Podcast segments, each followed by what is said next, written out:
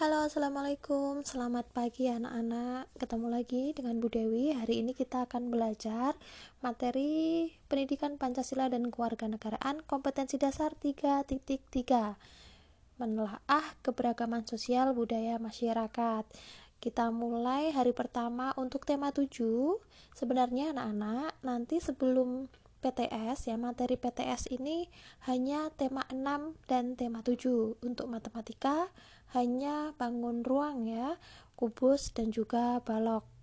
Untuk itu tolong anak-anak mempersiapkan diri dengan mempelajari dua tema tersebut dan materi matematika yang tadi disebutkan Bu Dewi untuk mempersingkat dan mengefektifkan jalannya pembelajaran pada pagi hari ini, mari kita mulai dengan berdoa menurut agama dan kepercayaan kita masing-masing. Berdoa dimulai.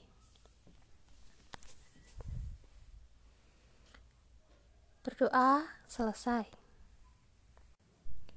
Anak-anakku, silahkan dibuka LKS-nya halaman 2 kita akan mulai mempelajari ya tentang menelaah keberagaman sosial budaya masyarakat. Apa toh budaya itu? Pengertian budaya berasal dari bahasa Sanskerta. Budaya yang berarti budi dan akal. Budaya adalah segala sesuatu yang dipelajari, dialami, dan diwariskan bersama secara sosial yang melahirkan makna pandangan hidup yang akan mempengaruhi sikap dan tingkah laku para anggota suatu masyarakat. Jadi, budaya adalah sesuatu yang dipelajari secara turun-temurun sehingga mempengaruhi sikap dan tingkah laku pada masyarakat tersebut. Jadi, budaya antar satu masyarakat dengan masyarakat lain itu akan berbeda-beda sesuai dengan yang dialami, kondisi lingkungannya seperti apa, dan itu terjadi secara terus-menerus, turun-temurun. Itu, itu disebut sebagai budaya. Nah, anak-anakku, kebudayaan itu ada dua macam, yakni kebudayaan jasmani dan juga kebudayaan rohani. Kebudayaan jasmani adalah kebudayaan yang didapat yang dapat dirasakan, diraba, dan dilihat secara nyata. Contohnya ya, pakaian adat, kesenian, adat istiadat arsitektur bangunan dan lain-lain. Sedangkan kebudayaan yang rohani kan dua tadi ya, ada jasmani, ada rohani. Kalau yang kebudayaan rohani itu kebudayaan yang hanya dapat dirasakan, namun tidak dapat dilihat atau diraba. Contohnya kepercayaan dan juga ideologi. Kepercayaan misalnya apa? Kepercayaan ada beberapa macam ya. Misalnya kepercayaan animisme kepercayaan dinamisme kepercayaan terhadap roh nenek moyang kepercayaan tentang kekuatan benda-benda gaib seperti itu itu disebut uh, kepercayaan baik itu animisme maupun dinamisme Nah, adapun wujud budaya yaitu bisa gagasan atau ide, misalnya yang kepercayaan tadi ya, kebudayaan rohani tadi. Lalu tindakan, misalnya upacara adat dan seni pertunjukan. Yang ketiga adalah bentuknya, wujudnya adalah benda, misalnya pakaian adat, senjata tradisional, bangunan adat dan lain-lain ya. Ada di wujudnya itu ada tiga berupa gagasan, tindakan, dan juga benda. Jadi kalau upacara-upacara adat itu masuk apa? Masuk ke wujud budaya berupa tindakan. Kalau candi, Bu, kalau candi itu berarti masuk ke wujud budaya berupa benda. Kalau tadi kepercayaan tetap terhadap roh nenek moyang itu adalah contoh kebudayaan berupa gagasan atau ide. Nah, itu tadi ya. Indonesia itu adalah negara yang memiliki keragaman budaya ya. Kenapa kok Indonesia itu memiliki keragaman budaya yang sangat luar biasa? Nah, keragaman budaya sendiri itu dikenal dengan istilah cultural diversity dan ini sudah menjadi sebuah keniscayaan yang dimiliki oleh bangsa. Keragaman ini membuat Indonesia semakin kuat, seperti semboyan negara Indonesia. Apa? Ada yang tahu semboyan negara Indonesia? Iya, Bhinneka Tunggal Ika, yang berarti walaupun berbeda harus tetap satu. Berbeda-beda tetapi tetap satu jua. Beberapa faktor yang menyebabkan keragaman bangsa Indonesia antara lain sebagai berikut. Nah, ada beberapa faktor ya yang menyebabkan Indonesia itu memiliki keragaman budaya yang begitu luas. Akan kita bahas setelah ini. Yang pertama adalah faktor keturunan. Kalian pernah nggak melihat di televisi atau kalian mungkin diajak mamah kalian, ayah kalian jalan-jalan keluar Pulau Jawa.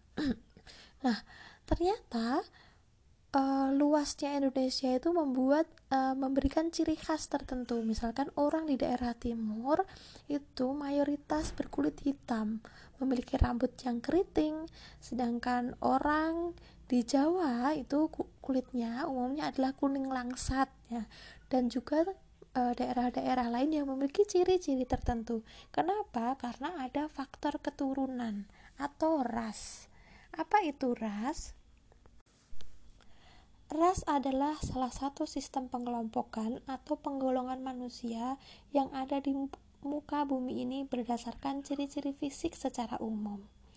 Nah, masyarakat Indonesia dapat dibedakan menjadi empat kelompok ras. Apa saja? Yang pertama adalah kelompok ras Papua Melanesoid yang terdapat di Papua, Pulau Aru, dan Pulau Kai. Ras Melanosoid ini berasal dari bahasa Yunani yaitu melano yang artinya hitam dan imbuhan. Sedangkan kata soid artinya penampilan. Ras melanosoid merupakan kelompok atau golongan manusia yang berpenampilan hitam dan tersebar di wilayah timur Indonesia. Beberapa di antaranya adalah suku Huli, suku Muyu, suku Karawai, suku Dani, suku Amungme, dan suku Asmat. Coba kalian lihat di gambar tuh. Nah, itu adalah uh, gambar bidikan dari uh, ras melanesoid ya. Mereka memiliki kulit yang hitam dan rambut yang ikal keriting. Adapun beberapa ciri khusus pada rat melanosoid ini di antara lain sebagai berikut. Memiliki kulit hitam, rambutnya hitam dan keriting, mempunyai bibir yang tebal, postur tubuhnya tegap, hidungnya melebar dan juga pesek, mempunyai tinggi badan rata-rata 160 sampai dengan 170 cm. Jadi badannya itu tinggi dan juga tegap ya. Dengan ciri-ciri yang tadi sudah sudah disebutkan Bu Dewi itu adalah ciri-ciri dari ras Papua melanesoid ya. Biasa di Indonesia itu ada di wilayah timur Indonesia kemudian ras kedua adalah kelompok ras negroid.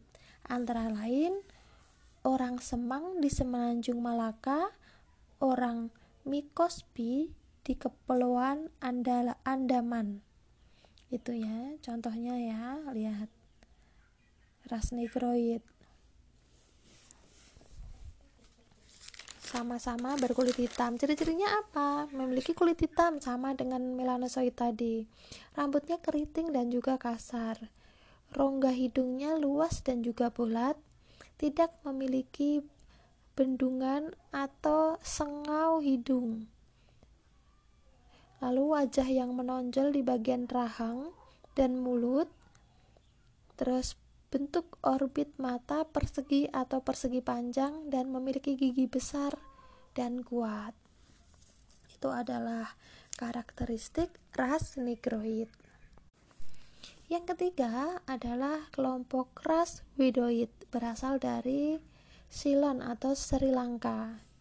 Ciri-cirinya memiliki warna kulit yang gelap, warna iris mata berwarna hitam, matanya besar tetapi dalam, memiliki rambut berwarna hitam, bentuk rambutnya bergelombang, ukuran kepala dan wajah lebih kecil dibandingkan ras Australoid dan bagian bibir atas berukuran sedang. Sedangkan keempat, ras terakhir itu adalah ras Melayu Mongoloid yang dibedakan menjadi dua golongan. Jadi, ras Melayu ini dibedakan menjadi dua ya.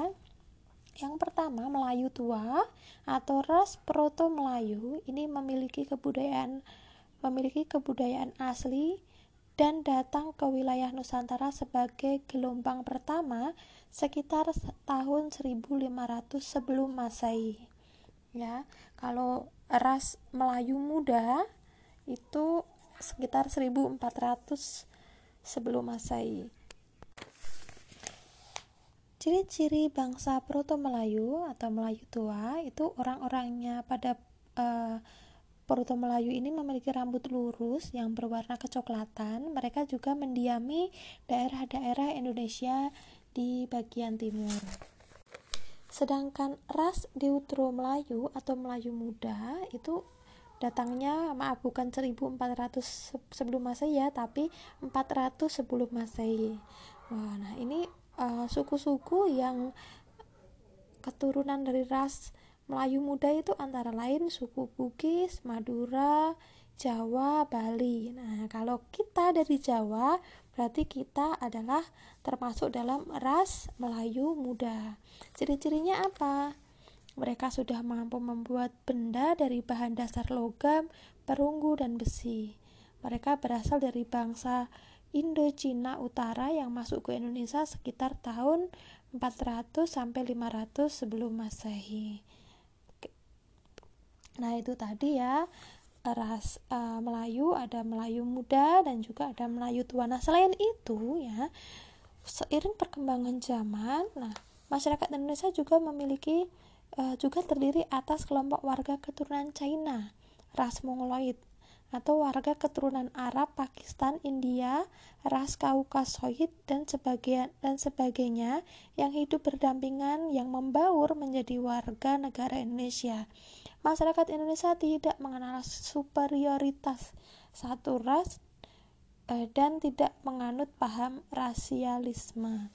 Jadi banyak juga warga-warga yang dulu pada zaman penjajahan mereka datang ke Indonesia, menetap di Indonesia, turun temurun hidup di Indonesia dan akhirnya menjadi warga negara Indonesia yang memiliki ras baik itu Cina, Pakistan, India, Arab, ya. Nah, mereka uh, hidup berdampingan dan rukun bahu membahu dan juga cinta tanah air. Indonesia itu tidak mengenal superiat superitas ras. Seperti tadi semboyan bangsa Indonesia bineka tunggal ika. Berbeda-beda tetapi tetap satu jua. Nah ini pembelajaran pada hari ini. Sekian dulu. Nanti akan Bu Dewi kirim soal ya dikerjakan. Jadi hari ini kita sudah belajar tentang apa itu budaya, kenapa kok Indonesia itu budayanya beraneka ragam. Ternyata ada faktor keturunan. Ternyata di Indonesia ada empat macam ras dan juga ada juga uh, apa masyarakat uh, dari kelompok keturunan-keturunan entah itu Cina, Arab, India, Pakistan dan lain-lain yang datang ke Indonesia dan akhirnya menjadi warga negara Indonesia. Sekian pembelajaran hari ini. Semoga kalian tetap bersemangat. Wassalamualaikum warahmatullahi wabarakatuh.